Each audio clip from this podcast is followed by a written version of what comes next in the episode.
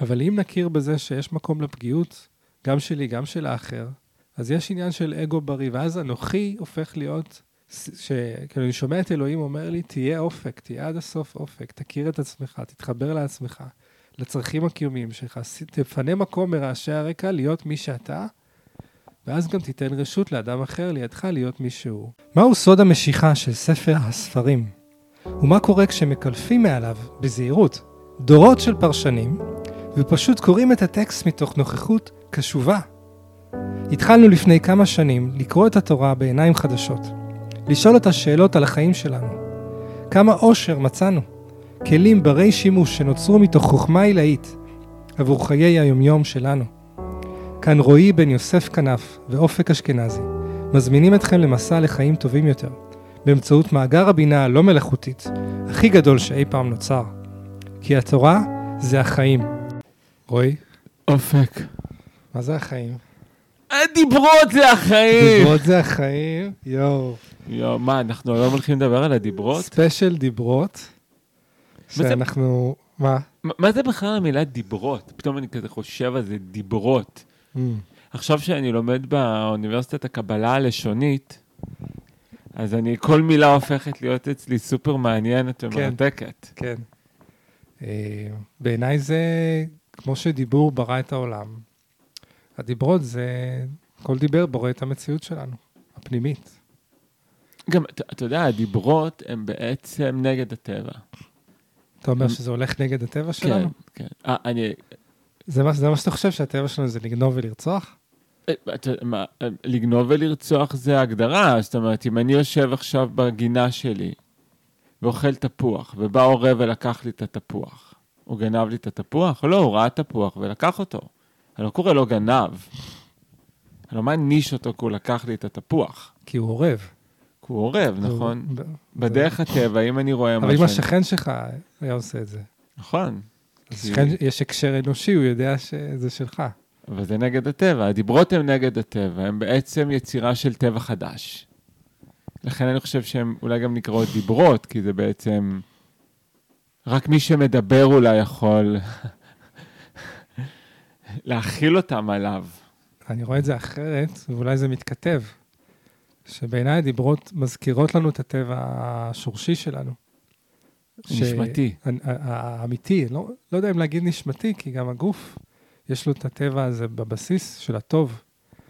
וכאילו, יש פה אמירה שהארץ, החיים האלה, רועשים כל כך, ועלולים להסיט אותנו מהטבע הזה. אנחנו עלולים כן אה, לעשות כל מיני דברים בשונה מהטבע המהותי שלנו. והדיברות מזכירות לנו את זה. ובא לי ש... כאילו, נעשה ספיישל דיברות, ו... יאללה. כי יש כל כך הרבה מה להעמיק, אתה יודע. התורה היא לפעמים בהפוך על הפוך, אתה גם לומד פנימיות התורה, גם אני. נכון. כאילו כתוב לא תרצח, ואתה אומר, טוב, מה, מה, מה יש פה להבין? מה יש פה להעמיק? אה, אנוכי השם אלוהיך, מה יש פה להעמיק? אבל יש כל כך הרבה, זה עולמות על עולמות. ואני כבר שנים מלמד את הדיברות, ולא פגשתי, כאילו, עוד מישהו שמעמיק ככה, ולא פגשתי נושא כל כך חשוב, כי, כי זה עיקר, זה בעיניי עיקר היהדות, עיקר ה... הדיברות. כן. זאת אומרת, אני אומר את זה שהדיברות חוזרות לאופנה, כי באלפיים שנות גלות, אתה יודע, אתה הולך למיינסטרים הדתי היום, אומרים לך, דיבר זה, זה כמו כל, כל מצווה אחרת, אין לזה חשיבות מיוחדת. וזה עוול גדול, זה ממש עוול גדול שעשו לדיברות, כי, כי הם, הם העיקר, הם, הם מה שנכתב על הלוחות. אתה מבין? זה מה שמשה הוריד. זה, זה הברית. אם רוצים להבין איפה הכל מקופסל, זה, זה בעשרה משפטים האלה. אז uh, חשבתי שנצלול להם ונביא רגע איזה הדרכה באמת לחיים שמקיימים את הדיבר. של התפתחות אישית? של התפתחות אישית, של התפתחות הדיבור, כי דיבר, זה, דיבור בורא מציאות. זאת אומרת, כולנו מבינים, נכון, שאם אני כל היום מלכלך על השכן, ו- ו- ומקטר על הזה ועל ההוא ועל ההיא, אז אני שולח תדרים אנרגטיים שליליים לעולם, נכון? לא, לא כולם. כי, אוקיי, אז השכן כנראה לא, לא יחייך אליי, הוא גם אם היה בפוטנציאל שלו לחייך ולעשות לי דברים טובים, זה לא יקרה, כי כל עוד אני לא מדבר את הדיבור ה... כאילו, אני לא מנסה להבין אותי, אותו, את הסיטואציה. בוא נעמיק כדי ש... אתה יודע, שלא נהיה כמו המצרים שטבעו בים. שנהיה כמו בני ישראל, שצללו ועלו חזרה, ושרו את, ה... את השירה.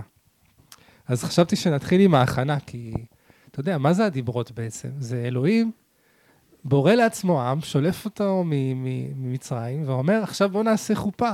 הרי זה חופה, אחי. זה כאילו, זה טקס כזה מכונן. לא סתם, טוב, בואו תיכנסו לארץ ישראל, קניתי לכם דירה. אתה יודע, ההורים קונים לזוג דירה. לא, לא, לא, לפני זה צריך מעמד מכונן, צריך חופה. מעניין אותי פשוט, אה, אתה יודע, תוך כדי שאני מקשיב לך, מעניין אותי לדעת, מבחינה אפילו היסטורית, כן, למרות שאני יודע שאין הרבה חפיפה בין התורה לה, להיסטוריה, אבל מעניין אותי מבחינת היסטורית, האם מצרים... המשפט הזה הוא משפט בעייתי, רואי, יש אנשים שיגידו שיש הרבה חפיפה. מבחינת היסטוריונים לא. לפי מחקרים היסטוריונים, אין הרבה חפיפה. זאת אומרת, מבחינת על... אה, שמות, מבחינת מקומות, מבחינת מדינות שהיו, אה, אה, כל מיני אה, לא ניכנס לזה רגע, לא משנה. אני רק אגיד שממלכות אה, שלמה כן, והלאה, אז כן. נכון, כן, כן, ברור. אנחנו מדברים כן, על ה... ממלכות שלמה ברור שיש חפיפה היסטורית מלאה. יש גם אסמכתה לזה שהיה פה בית דוד. ברור, כולל יוספוס שכתב את כל ההיסטוריה, ועוד הרבה דברים שנכתבו. אני אומר, עד המלכות, כל יציאת מצרים. יציאת מצרים, אה, סיפורי בראשית. כן, סיפורי בראשית, הגאה לארץ כנען, העמים שהיו פה, עמים שהיו בדרך. ו... אבל אני אומר, מעניין אותי האם מבחינה היסטורית, התרבות שהם חיו, היהודים שם במצרים, האם היא הייתה תרבות שלא היה בה את הדיברות? זאת אומרת, האם זה, דיברו, האם זה עולם עתיק שבו נגיד מותר לגנוב, מותר לרצוח? האם זה עולם עתיק באמת שאין יום מנוחה, שאתה באמת אה, עובד אה, שבעה ימים בשבוע? האם זה באמת עולם עתיק שבו מותר לך לבגוד שלאישה מותר uh, לנעוף, או לגבר מותר לנעוף. Uh, זה, זה באמת מעניין אותי מאיפה זה מגיע, כי למה אני שואל את השאלה הזאת? כי זה מרגיש שיש פה בעצם התחלה של עידן חדש. התחלה, מבחינתי הדיברות זה התחלה של העולם המערבי. זה איזושהי התחלה של חברה שבעצם שמה ערכים סוציאליסטיים, אנושיים, רוחניים, לפני היותנו חיות. בשביל זה גם הבאתי את הדוגמה עם העורב, כי העורב לא רואה את זה כלגנוב. הוא לא רואה את זה לגנוב. היפופוטמים שמנדים אה, אחד ההיפופוטמים ולא נותנים לו להיכנס לתוך המים והוא מת, או חיות שהורגות אחת את רעיה, כן, לפעמים גם בתוך אותו זן או אותו מין, בקרבות ובכל מיני דברים כאלה, לא רואות את זה כרצח, רואות את זה כתנועה הישרדותית שלהם, כן? ו- ו- ויש פה איזושהי נכון. אה, אמירה, איזה עשר דיברות. ש- שגם גנבים, הם רואים את זה הרבה פעמים כתנועה הישרדותית. נכון. ויש פה איזושהי תנועה חדשה, עידן חדש, עולם חדש, כן? שדרך אגב, אני, אני חושב שלא סתם אתה אומר הדיבור חוזרות לאופנה עכשיו, כי אני מאמין ומרגיש שאנחנו מול עוד קפיצה תודעתית, כן? כן, ערכית, רוחנית, אה, נפשית. בעזרת השם. חברתית כעולם. רועי גוזר והשם מקיים. אה, ומעניין סתם, מעניין אותי לדעת, האם באמת זה שינוי כזה מהותי בח, בח, בחברות העתיקות? יש לך איזשהו ידע על זה? כן, אז יש לנו קובצי חוקים כמו חוקי חמורבי המפורסמים נכון. מאוד.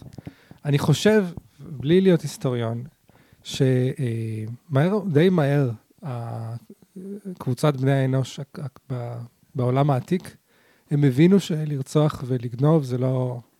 זה, זה, זה, זה פשוט אה, הורס לכולם. לחלשים, זה בא להגן על חלשים, כן. אה, נכון, אבל גם על כולם בעצם, כי כל אחד יכול למצוא את עצמו באיזושהי עמדה של חולשה מדי פעם. ברגע מסוים. גם החזק. נכון.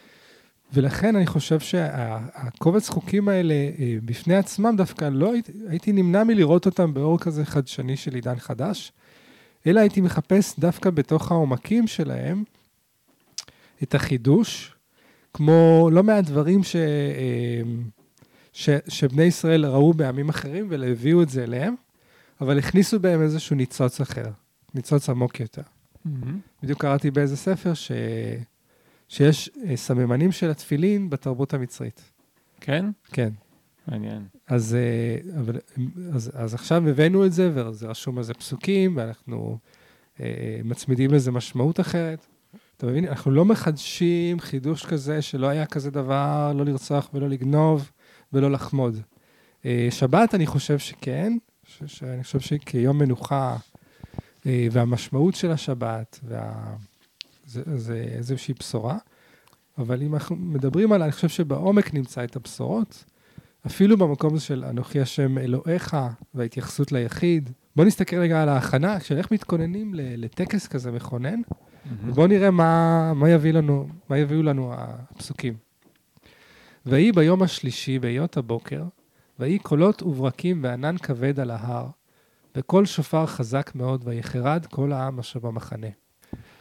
זאת אומרת, אה, איזה מה- פתיח. זה פתיח דרמטי. זה נשמע פתיח למשהו רע. אתה- קודם כל, המילה חרדה נמצאת פה, כן? וגם ענן כבד על כל המחנה, זה כן. נשמע כמו יום אפרורי, ענן כבד, חרדה, נשמע כאילו שביעי באוקטובר. אה, יכול, תשמע, יכול להיות ש, שגם איזשהו משה ירד עלינו עכשיו אה, מהר סיני או וואו. מהר הזיתים. ויוצא משה את העם לקראת האלוהים, מן איך- איך- המחנה. עוד פעם, ויוצא משה... ויוצא משה את העם, מה זה אומר ויוצא משה את העם? זה כאילו מוציא משה את העם? מוציא. מאיפה לאיפה? אני מניח מאיפה שהם היו, הנה, פה סוף הפסוק מלמד אותנו, והתייצבו בתחתית ההר. זאת אומרת, איפה, מהמחנה שלהם אל תחתית הר סיני. אני חושב שיש, אם אנחנו כבר רגע הולכים למקום של התפתחות אישית, אז כן, ואנחנו מדברים על איזושהי רמת תודעה חדשה, בוא, בוא, בוא, אם אנחנו רגע עושים אה, מודל להתפתחות אישית, אנחנו בעצם מדברים על איזושהי קבלה של תודעה חדשה, נכון? זאת אומרת, אתה מדבר על הרגע המכונן הזה שהמציאות משתנה. כן, בקצב מהיר, אתה, יש איזושהי חרדה שם, כן. וזה לאו דווקא חוויה נעימה, נכון, אבל אתה מבין ש, שמשהו פה משתנה בעולם הפנימי שלך, נכון. איזושהי שפה, ואז העולם מוציא אותך ל, למרחב חדש. זה לא העולם, זה המשה שבך, זה שמושך אותך, מהמם. זה שמושיע אותך. מו מו מו מו מושך, כמו נחמן. כן, כן, כן, כן, כן. החלק הזה שדיברנו עליו הרבה בחלקים האחוריים, אה. החלק שהוא לא בהכרח הבת. החזק, הסגנוני, היפה, המבריק, המדליק, אלא דווקא חלק... הב- בת קול ההדרכה הגבוהה. ש- שהיא לא בהכרח החלק. ההנהגתי, הוא חלק מאוד מאוד חזק, הוא יכול להיות מגמגם, ויכול להיות דווקא חלק שבכלל לא חשבתי שהוא מנהיג בתוכי. כן? והוא בעצם מוציא אותי מאיפה שאני נמצא לאזור חדש, מפחיד, מרעיד, ענן כבד. זה כמו זה שנגיד, אם אני מוצא את עצמי, נגיד, אה, יוצא על הבנות שלי בקטע אגרסיבי, אז אה, יש דקה, שתיים אחרי זה, אני יכול פתאום, רגע, זה, זה לא היה בסדר, אולי אני יכול להביא משהו רך יותר, או לבקש סליחה. והזה שאומר לי, אולי תבקש סליחה, הוא כזה חלשלוש כזה, הוא לא... יפה. דוגמה מדהימה. הוא לא זה שיגיד לי, תבקש סליחה, תצא גבר. לא, הוא נכון. יגיד לי, אולי תבקש סליחה. יפה. אולי תבוא ותגיד, אה, הייתי רעב, הייתי עצבני, הייתי קצר רוח. והוא כל כך שונה מה, מהסמכותי שמקודם, שזה מבלבל, אבל אני כבר יודע אבל להאמין לו. אני כבר יודע שהוא זה ש... שמוציא אותי למרחב חדש. הוא, הוא, הוא, הוא מושך אותך מן המים. כן. הוא מוציא אותי מהתבניות העתיקות שלי. להתחדשות. עכשיו אני יכול לקרוא לו מוש... משה. כן, כן. אני, אני, החלק שמושיע אותנו, החלק שמושך אותנו קדימה, הוא המשה שבנו. Mm. הוא חלק שאנחנו דיברנו עליו כבר בפרקים הקודמים. כדאי לזהות אותו. הוא גם. הוא האנטיתזה לפרעה. הוא אנטיתזה לפרעה, והוא גם בעצם גיבור חדש.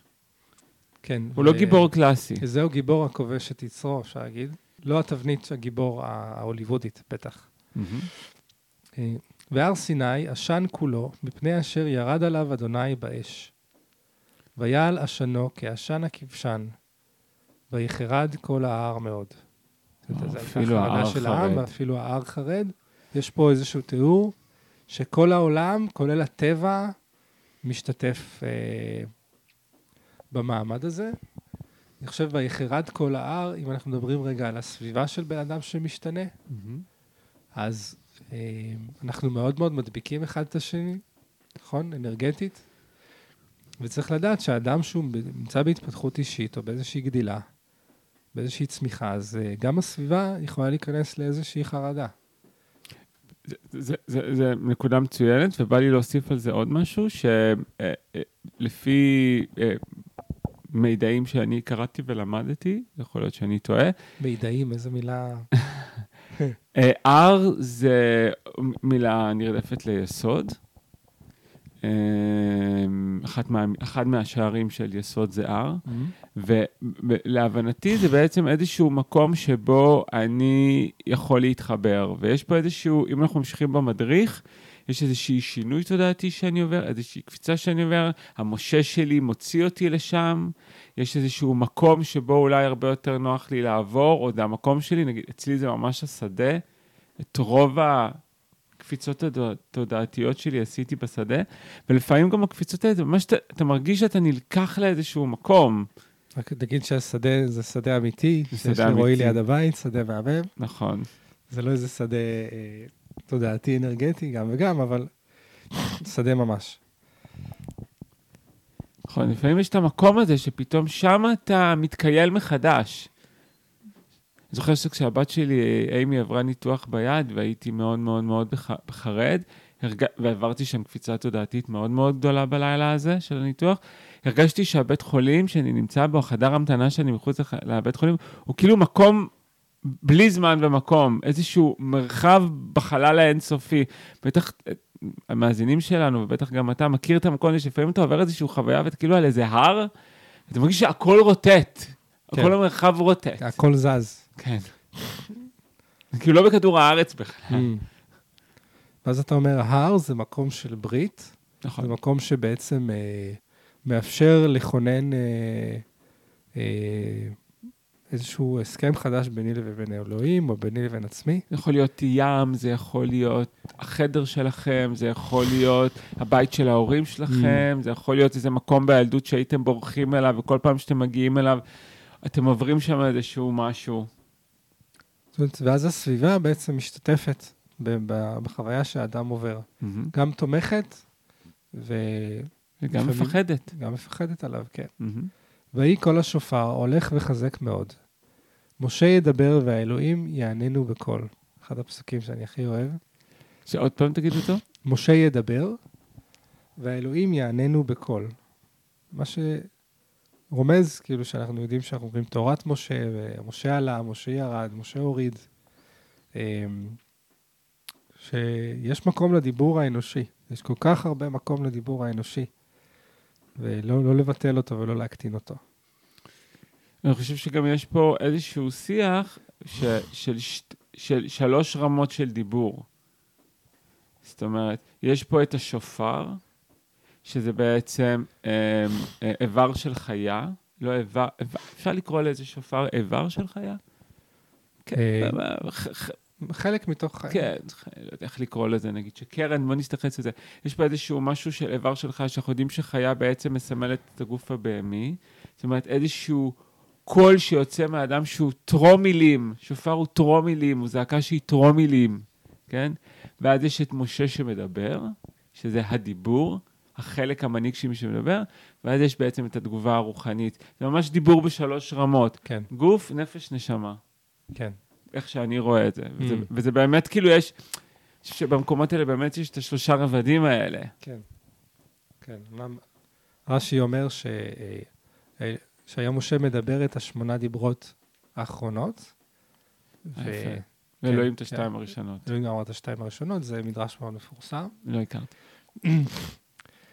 וירד אדוני על הר סיני, אל ראש ההר, ויקרא אדוני למשה אל ראש ההר, ויעל משה.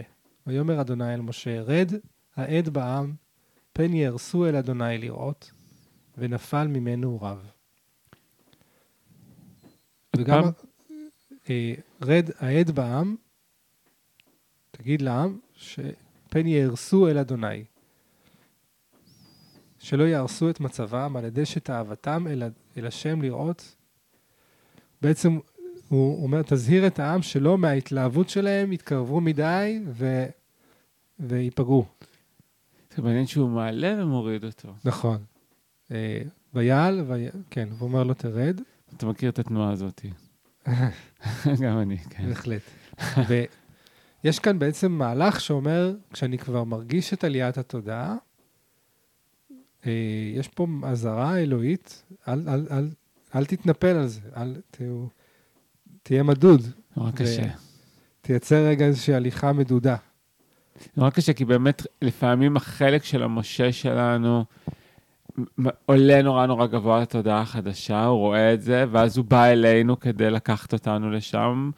הוא מספר לנו את כל מה שהוא הרגיש, ואז אנחנו כל כך מתלהבים ורוצים לקפוץ על זה, לקפוץ, לקפוץ ראש לתוך זה. כן, יש פה איזושהי משהו, אני, אני עברתי את, אני יודע שגם אתה עברת בדיוק, את- בדיוק את, כן. ה, את הדבר הזה בתוך ההתפתחות האישית שלך, ממש את, ה- את החלק הזה.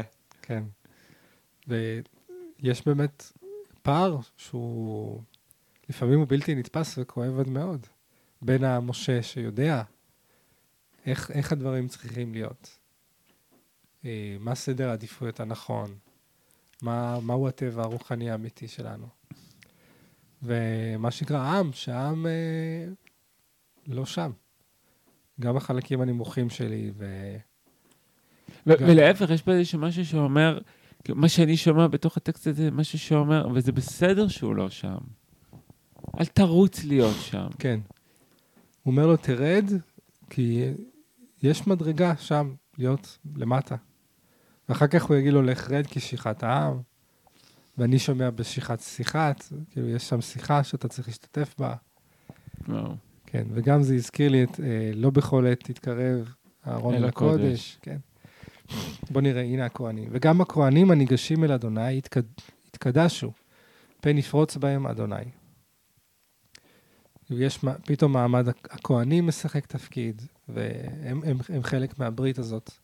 ויאמר משה אל אדוני, לא יוכל העם לעלות אל הר סיני, כי אתה היודעת, היודעת בנו לאמור הגבל את ההר וקידשתו.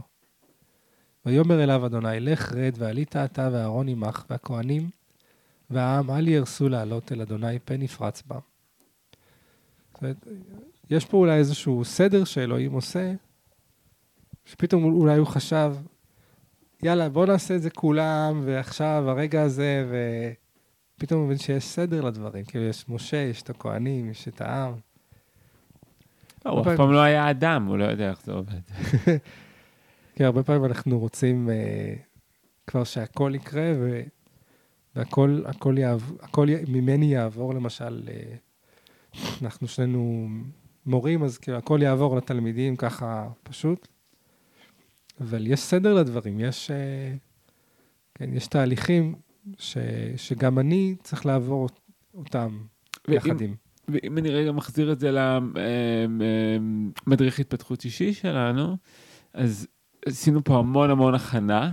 מצאנו את החלק המושיע, צעקנו, ניסינו לצאת מעבדות, הלכנו, עברנו דרך הים, רדפו אחרינו, החלקים הפנימיים ניסו לעצור אותנו.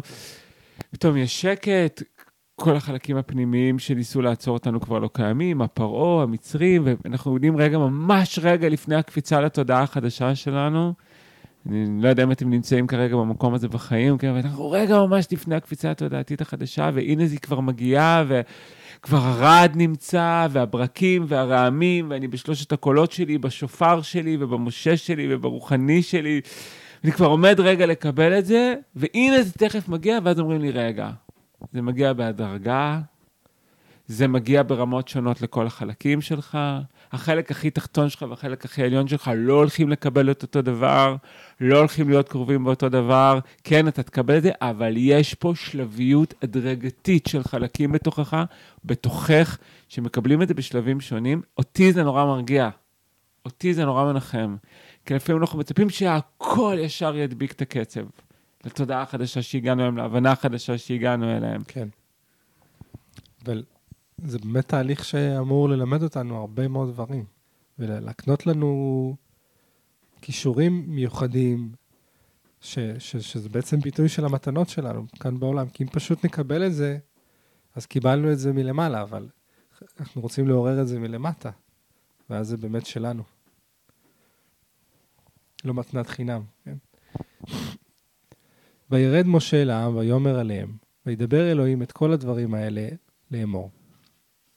עכשיו ניכנס uh, לדיברות, והייתי רוצה לפתוח איתך, רועי, כל מהמם. דיבר, ככה להעמיק בו ולהרגיש בעצם מה ההנחיה כאן העמוקה. אנוכי אדוני אלוהיך, אשר הוצאתיך מארץ מצרים מבית עבדים. זה הדיבר הראשון. עכשיו, קודם כל אני רוצה לשים, להתחיל מהסוף של ה... מהסיפה של הפסוק. שההגדרה שלי של אלוהים זה זה שהוציא אותך לחירות. מהמם. איזה, איזה יופי. איזה כאילו- איזה יופי. כאילו דת כמשהו שאתה חושב על שמשעבד ושם עליך סד של אה, טקסים והלכות, ו... אבל הוא, בבסיס הוא זה שהוציא אותך לחירות. עבד, אלו- עבד אלוהים הוא לבדו חופשי. ושזה, כאילו, הדיבר הראשון, בעיניי יש לו חשיבות עצומה, כי הכל הולך אחר ההתחלה, וההתחלה מקפסלת את הכל. בעצם כל התורה נמצאת בבראשית ברא אלוהים את השמיים ואת הארץ. אני ו- ש- אז זה, זה היה כאילו העניין הזה של החירות. אני שם, אני, אני ישר מזהה את זה. כ- כעוגן. והעוגן השני זה אלוהיך. זאת אומרת, אני לא האלוהים של העם, אני אלוהים שלך ושלך. מהמם. אני פונה אליך פרסונלי. ואלייך כיחיד. והדרישה שלי ממך היא, היא דרישה ליחיד. לא אוקיי. אינדיבידואל, יחיד ממש. כלומר, מיוחד בעיניי, ייחודי בעיניי. מהמם. ואני חושב ש... ש... אפשר לקיים את כל התורה בלי לקיים דיבר, ואז אתה מפספס אולי הרבה. ואפשר לקיים את הדיבר הזה, ואתה מקיים אולי את כל התורה. מהמם. כן. אה, אם תשמרו את מצוותיי ואהבת את אדוני אלוהיך. מה זה מצוותיי? ואהבת את אדוני אלוהיך. כן. אה, ואני רואה פה עוד משהו בדיבר הזה, זה מסע שלא נגמר. אני, זה הדיבר כי הוא אומר הראשון. מאיפה הוא הוציא אותך, הוצאנו, הוא לא אומר לאן אנחנו מכניס אותנו. וגם וגם באיזשהו משהו, גם וגם יש פה איזשהו משהו שאומר, הדיבר הראשון, אני אדוני אלוהיך אשר הוצאתי אותך מארץ מצרים.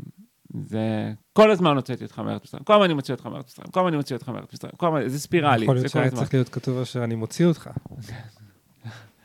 שזה יותר אמת, אולי. והוא גם, נכון שאנחנו בהר סיני, אז עוד לא, עוד לא רואים את ארץ ישראל, וכביכול, אני, אני זה שהוציא אותך, ואני אני שומע פה, ולהיכנס לארץ ישראל זה כבר שלך. זה גם יכול. אני הוצאתי. אבל באמת מסע שלא נגמר, Mm. מסע שלא נגמר.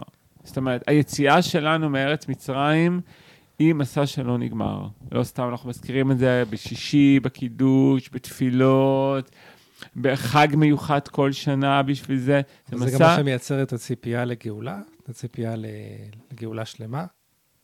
ודאי. זאת אומרת, אם אנחנו יודעים שאנחנו עדיין יוצאים ממצרים בעצם. תנועה רוחנית היא תנועה, אין הגעתי, אין הגעתי. אין הגעתי. זה תנועה בלי הגעתי. מה זה מעורר בך רגשית? אתה, אין הגעתי. תודה לאל. כן? אוי ואבוי, הגעתי. ואז מה? אנחנו רוצים הגעתי להגיע. ו... אנחנו רוצים להגיע. רוצים להגיע. יודע, במתמטיקה יש... אה, ש... שמתחיל ללמוד מתמטיקה יותר גבוהה, אתה מתחיל ללמוד את כל הדבר של שואף לאפס ושואף לאינסוף, אתה זוכר את זה? כן. פונקציות שהן כאילו, אין להן סוף, הן כן. רק שואפות, הן רק שואפות, הן רק שואפות, הן רק שואפות. כן. כן, ואני חושב שזה זה. יש פה שאיפה, אנחנו הולכים אחרי תנועה, אחרי שאיפה. היא זה אף פעם לא שלמה. במרחב שאני מנחה בתפילת הבוקר, בזום, ובעצם אנחנו מתחילים מלהכיר בזה שאנחנו שניים, נשמה וגוף. ואז ל- ללכת מהשניים אל שמע ישראל, השם אלוקינו, השם אחד. בעצם זה, זה המסע שלנו, אנחנו קמים בבוקר, הגוף התעורר, הנשמה באה מעולם עליון ויורדת, ממלאת את הגוף, אבל זה לא אחד, זה שניים. ויש פה נפרדות, יש פה תדרים שונים, יש פה חלקים שונים, יש פה את המשה ואת העם ואת הכוהנים באמצע. ואיך בעצם, כאילו, בסוף זה יהיה אחד כש... אבל ללכת את הדרך אל האחד, זה העניין. כאילו, זה באמת החיים, זה לבחור בחיים. להכיר בזה שאני שניים, ומזה ללכת את הדרך אל האחד.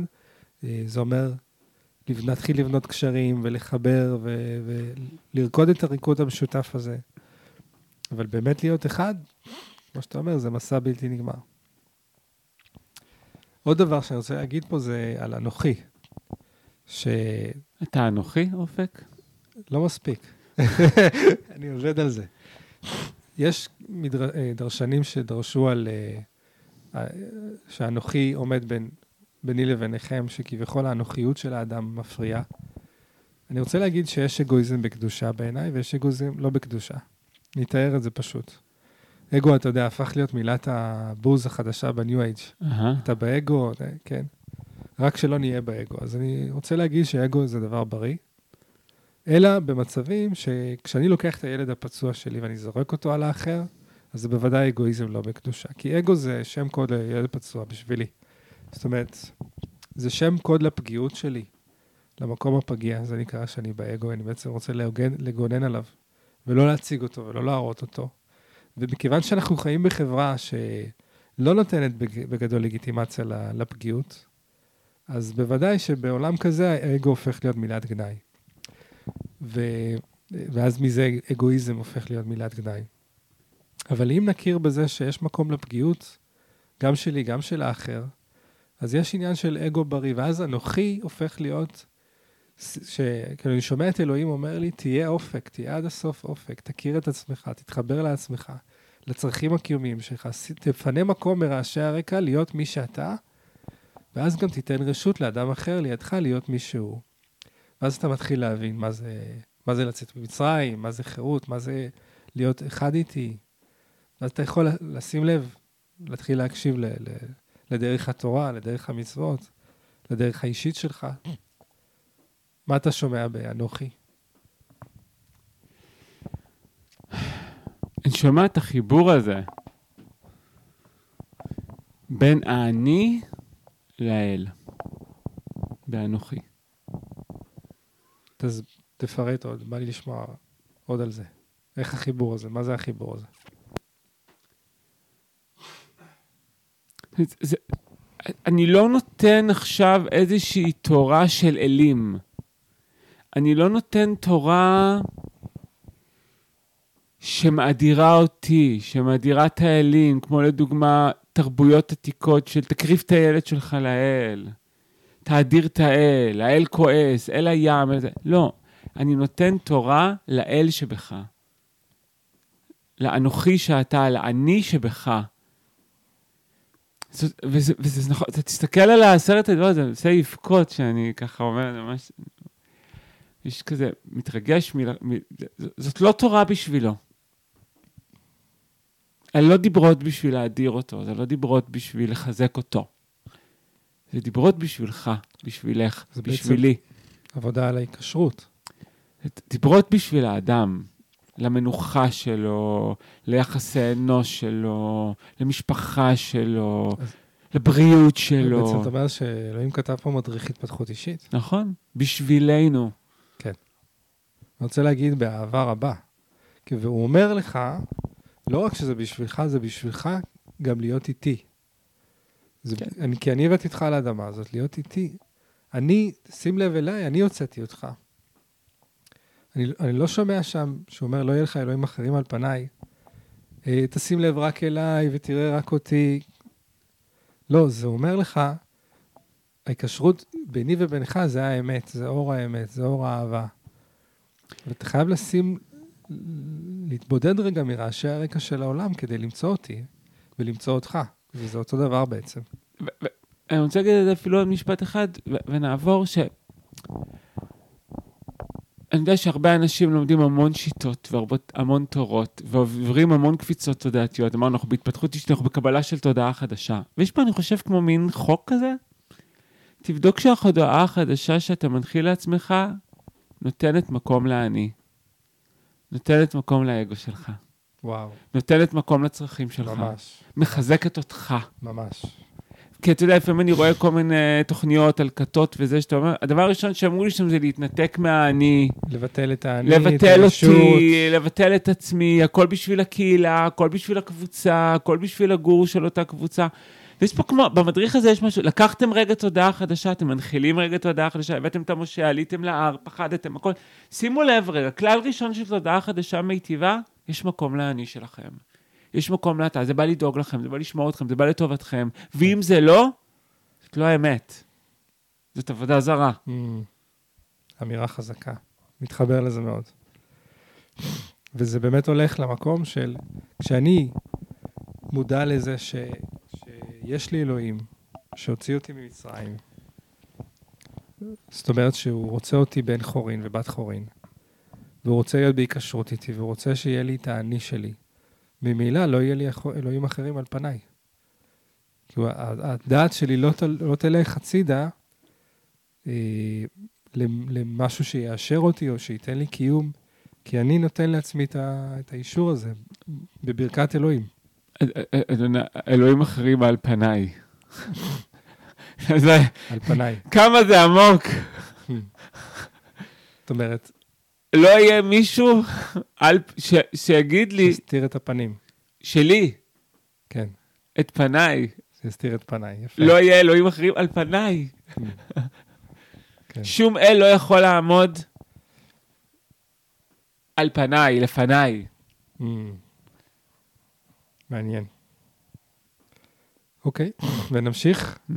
לא, לא תעשה לך פסל וכל תמונה אשר בשמיים ממעל, ואשר בארץ מתחת, ואשר במים מתחת לארץ.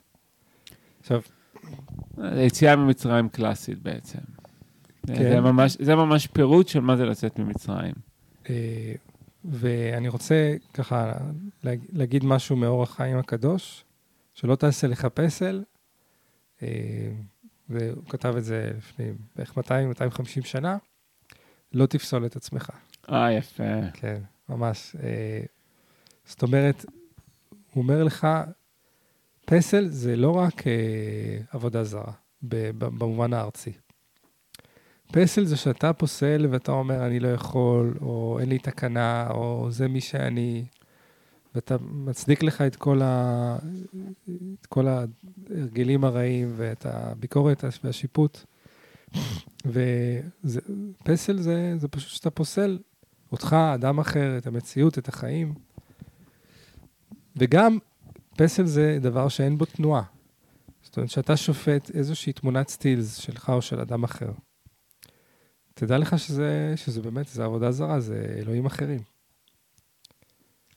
אני רוצה להוסיף שגם, למה אמרתי קודם שזה מבחינתי ממש לצאת ממצרים? בגלל שמבחינתי, יש, יש, אני לא זוכר איך המונח הזה נקרא, מסמן ומסומן, אתה זוכר איך זה נקרא? של סיבה אפל... ומסובב? לא, של אפלטון, שכאילו יש את ה, מה הוא מסמל ואת המסומן שהוא מסמל, כן? זאת אומרת, יש פה... נמשל. כן, כאילו יש פה איזשהו משהו שאומר, אל תעבוד את הנייק, אל תעבוד את האפל וואץ', אל תעבוד את הכסף, אל תעבוד את הנישואים, אל תעבוד את העבודה. תראה את הדבר שהוא מייצג, תראה את האלוהות שבו. אל תיפול, כי זה מצרים. מה זה עבד? זה, זה ליפול לסממנים החיצוניים, זה לא לראות את הגרעין שנמצא בתוך הדברים העמוקים האלה. כן? זה אל תעבוד את הסמלים, תעבוד כן. את מה שהסמלים האלה מייצגים. כן. ו... את הרוח, את האידאות שנמצאות מתחתם. אם נגיד, סתם דוגמה, אה, אני קונה את האפל וואץ' כי אני רוצה להרגיש את הסטטוס, והסטטוס גורם לי להרגיש uh, עם ערך, וערך גורם לי להרגיש קיים, תעבוד את הקיימות. Mm. אל תעבוד את השעון. לך, לך פנימה, ושם אתה ממילא בתנועה, ואתה לא יוצר לך איזשהו פסל בחוץ. נכון. מה שעולה לי עם העניין של תמונה, אה, העניין של תמונה זה בעצם שאנחנו מציגים לעולם משהו, וזה לא מי שאנחנו באמת, זה איזושהי mm. תמונה על הקיר שלנו. יפה. ואל תעשה תמונות, כאילו, תהיה מי שאתה באמת, תן מקום לפגיעות, תן מקום לספק, תן מקום לכל מיני קולות שבתוך עצמך. לדינמיות, להשתנות, ל... כן, ואתה לא, גם אם רואים אותך כ... זה רק וידאו. רואים אותך כ... אז מה אם רואים אותך כ... יראו אותך גם כדבר אחר, כל עוד זה מי שאתה באמת, כל עוד זה אותנטי, זה יוצא ממך, זה יוצא מהקישקע שלך. ואל תעשה תמונה. שמעת את הבדיחה שלי? לא. תעשה וידאו. תעשה וידאו. כן. יש פה המלצה זה בעצם המלצה שיווקית, לעשות סרטונים. לעשות סרטונים, יותר סרטונים, פחות תמונות. לא תעשה, לא לך סטטוס, אבל סטורי... אה, סטורי כן, יותר סטורי. כן. אשר בשמיים ממעל. תעשה לך רילס. לא תשתחווה להם ולא תעבדם, כי אנוכי אדוני אלוהיך, אל קנה, פוקן עוון אבות על בנים, על שילשים ועל ריבעים לשונאי, ועושה חסד לאלפים לאוהבי ולשומרי מצוותיי. לא תישא את שם אדוני אלוהיך לשווא, כי לא ינקה אדוני את אשר יישא את שמו לשווא. עכשיו, קודם כל אני. אני רואה כאן כי לא ינקה, זה כאילו... אתה שם פשוט, אלוהים אומר לנו, את, אתם שמים על עצמכם כל מיני דברים שלא התכוונתי שתשימו. אתם, אתם נושאים עליכם עול שלא התכוונתי שתישאו אותו. מה אתה שומע בלא תישא שם אדוני אלוהיך לשווא? יש אנחנו, מה, מה אדם נושא? תראה, אני... זה בעיניי- אני- אני ש- אני דיבר שומע- על הבדידות, אבל תגיד. כן, תגיד. אני, אני שומע פה קודם כל, ואני רוצה להגיד את זה לכל המאזינים והמאזינות שלנו, אני שומע שאלוהים פה אומר לנו, יש לכם כוחות על, Mm. תיזהרו בשימוש שלהם, אל תשתמשו בהם סתם. יש כוחות אה, רוחניים. כן, גבוהים. מאוד. גם אתם יכולים לשאת את השם. אתם יכולים, אתם יכולים להשתמש בכוחות הבריאה. יש לכם את האפשרות להשתמש בשמות, בדיבור, וליצור מציאויות בעולם הזה. Mm. זה נותן לכם כוח, יש בכם כוח אדיר בכל אחד ואחת מכם. כמו שאמרנו מקודם על השכן, ש... נכון. איך אני מדבר עליו, זה יוצר את המציאות שלי איתו. כן. תדעו לכם, אתם יוצרים פה הכל. Mm. בשמות, במילים, בנשיאת שמות. תראו מה אתם בורים, תראו מה אתם יוצרים, אל תעשו דברים לשווא. זה נפלא, אני כל כך אוהב את מה שאתה אומר, רועי. אני רוצה להביא מכיוון אחר קצת. תביא. אה, בעיניי זה דיבר על אל תהיה, אל, תהיה, אל תהיה לבד, אל תרגיש בדידות. אל תיתן לעצמך להרגיש שאתה- שאתה לבד פה, כי כשאתה נושא אותי לשווא, זאת אומרת, אתה לא מרגיש אותי, אתה לא מרגיש שאני איתך. יפה. ואתה לא מקיים את, ה, את הדבר הבסיסי של אנוכי השם אלוהיך, אני האלוהים שלך. הבאתי אותך לפה, להוציא אותך כל הזמן ממצרים. אז כשאתה באיזשהו מקום של מצרים, תצעק, תתפלל, תבקש. תישא אותי לא לשווא. ותהיה איתי בנישואין, כי כל המעמד הר סיני הזה בעיניי זה חופה. אז כאילו, אל, אל תבגוד בעצם, אל תנטוש. מדהים. אני, עכשיו אני לומד אה, אה, אה, דבר שנקרא קבלת שמות.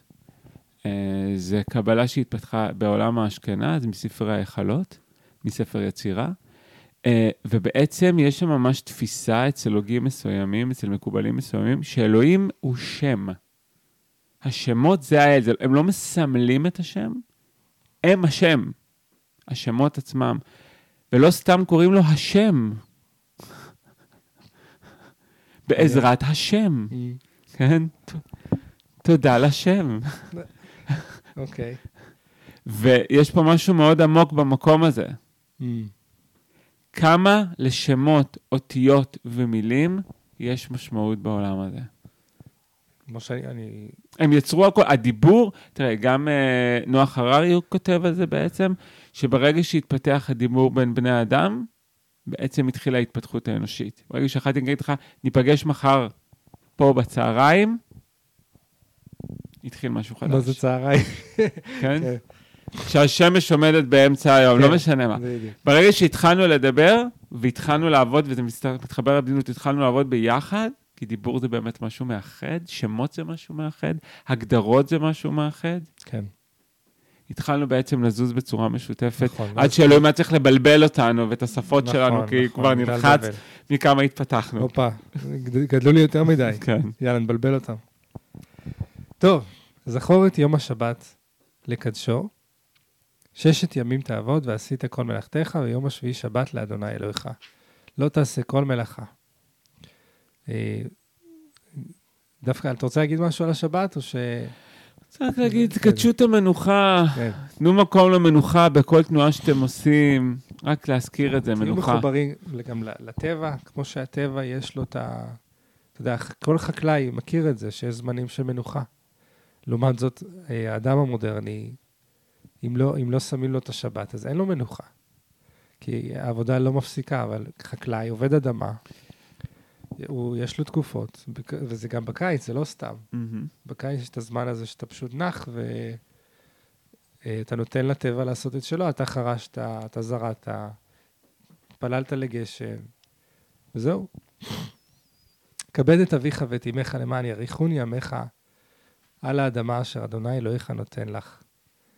זה השיר ששמענו לפני נכון. ההתחלה, שהקלטנו, של דודו טסה. בסוף היום אני בן של אבא שלי. יש כל כך הרבה מה להגיד על כבד את אביך ואת אמך, נכון. ממש זה שיעור שלם על כיבוד הורים. אבל לזכור שכיבוד הורים זה לא לעשות מה שהם רוצים. לכבד הורים זה להרגיש רגע את כובד המשקל של הקשר וכמה הוא משמעותי, וכמה לי ולך ולך יש המון מה לעשות. אה, לפתוח שם, לנקות, לרפא. אה, לא בשבילם, בשבילך ובשבילך.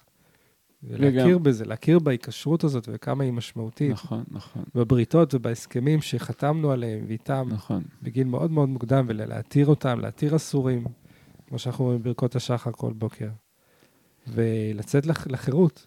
וגם באמת הדרך היחידה להאריך חיים היא על ידי לכבד את ההורים. כן. למה? בצורה מאוד פשוטה. כי כשאני בעצם מכבד את המסע הנשמתי, הדורי, השולשלתי שלי, אני מאריך חיים. נכון. אם אני ממשיך את אבא שלי עכשיו, ואת המסע הנשמתי שלו, הארכתי חיים. אם הבן שלי ממשיך את המסע הנשמתי שלי, או הבת שלי, הארכתי חיים.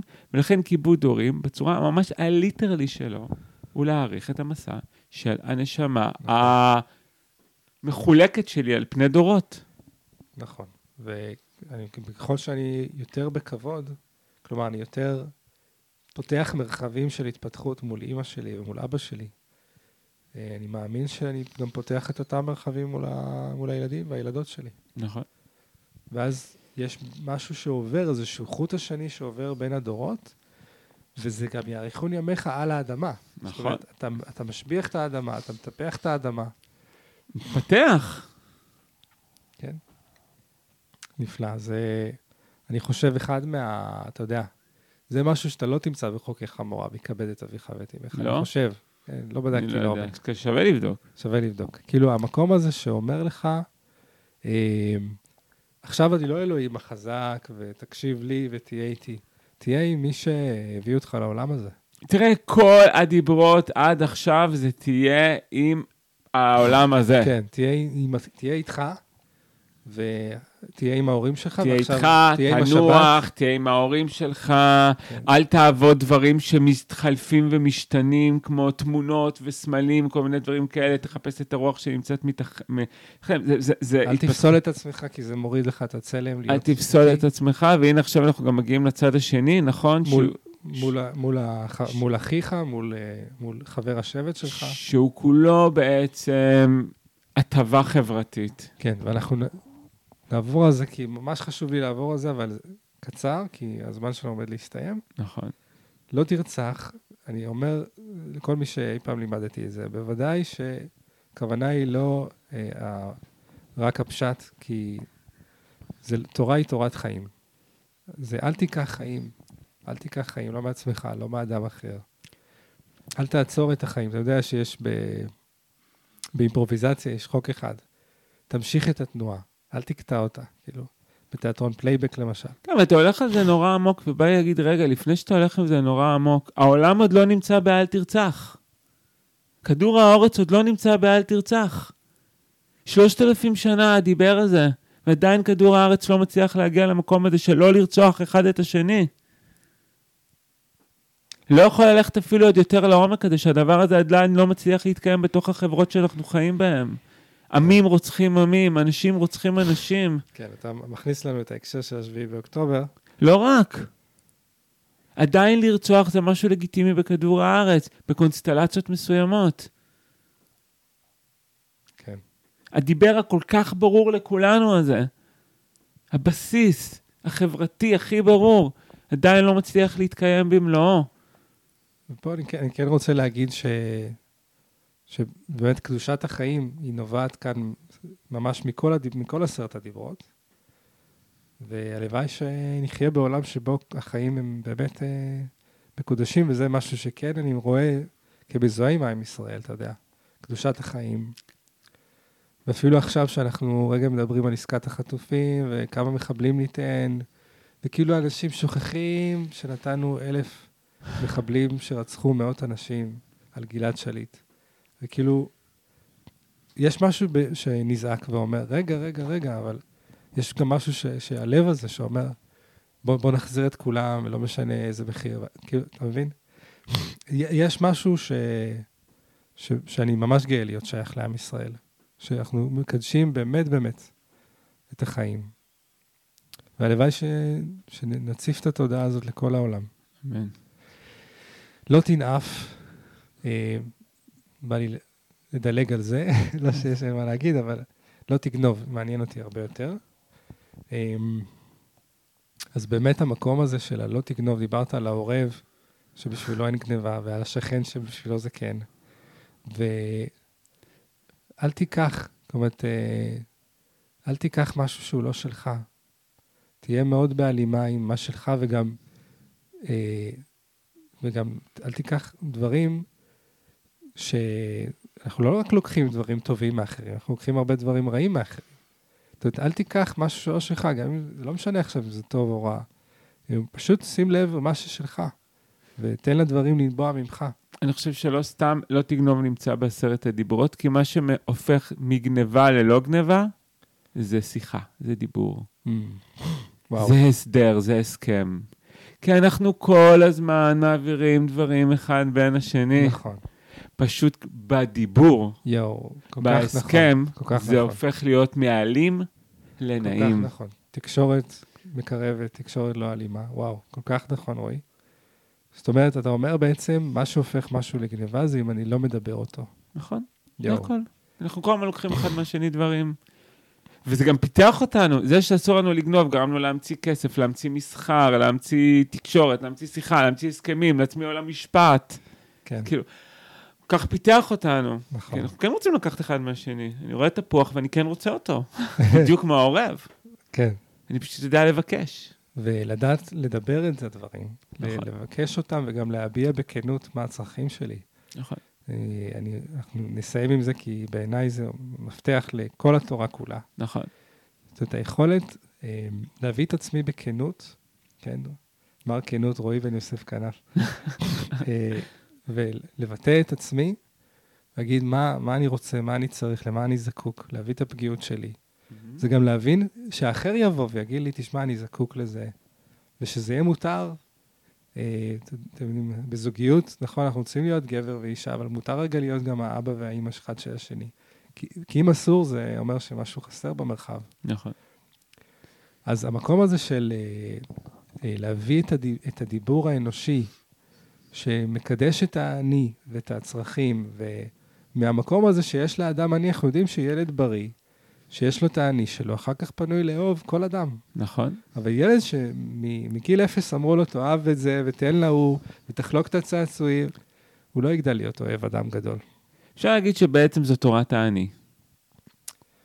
תורת האני האנושי, של ה... איך לחבר את המשה שלנו לכהנים ולעם, רועי בן יוסף, וואו, אופק אשכנזי. דיב- דיברות זה החיים. דיברות זה החיים, תורה זה החיים ושווארמה זה החיים. לא, חייב לציין ששווארמה זה החיים. זה ללא ספק משהו מקדושת החיים. אני כל השבוע, האדום אדום הזה. השבוע כתבתי בפייסבוק ש... שאני קורא מאמרים אקדמיים על התורה, אני מרגיש שאני אוכל שווארמה עם מזלג וסכין. ועכשיו אני אוכל שווארמה כמו שאתה צריך, איתך פה, עם הטחינה. שנוזלת ואמבה. רועי בן יוסף כנף, תודה, ניפגש שבוע הבא, מקווים לך. שנהנתם. דרגו את הפודקאסט, שתפו אותו עם חבר או חברה שרוצים ככה לקבל הדרכות מאלוהים וממשה על התורה שלנו, להתפתחות לחיים טובים יותר, כאן בעולם הזה, בישראל 2024. שיהיה רק טוב. אמן.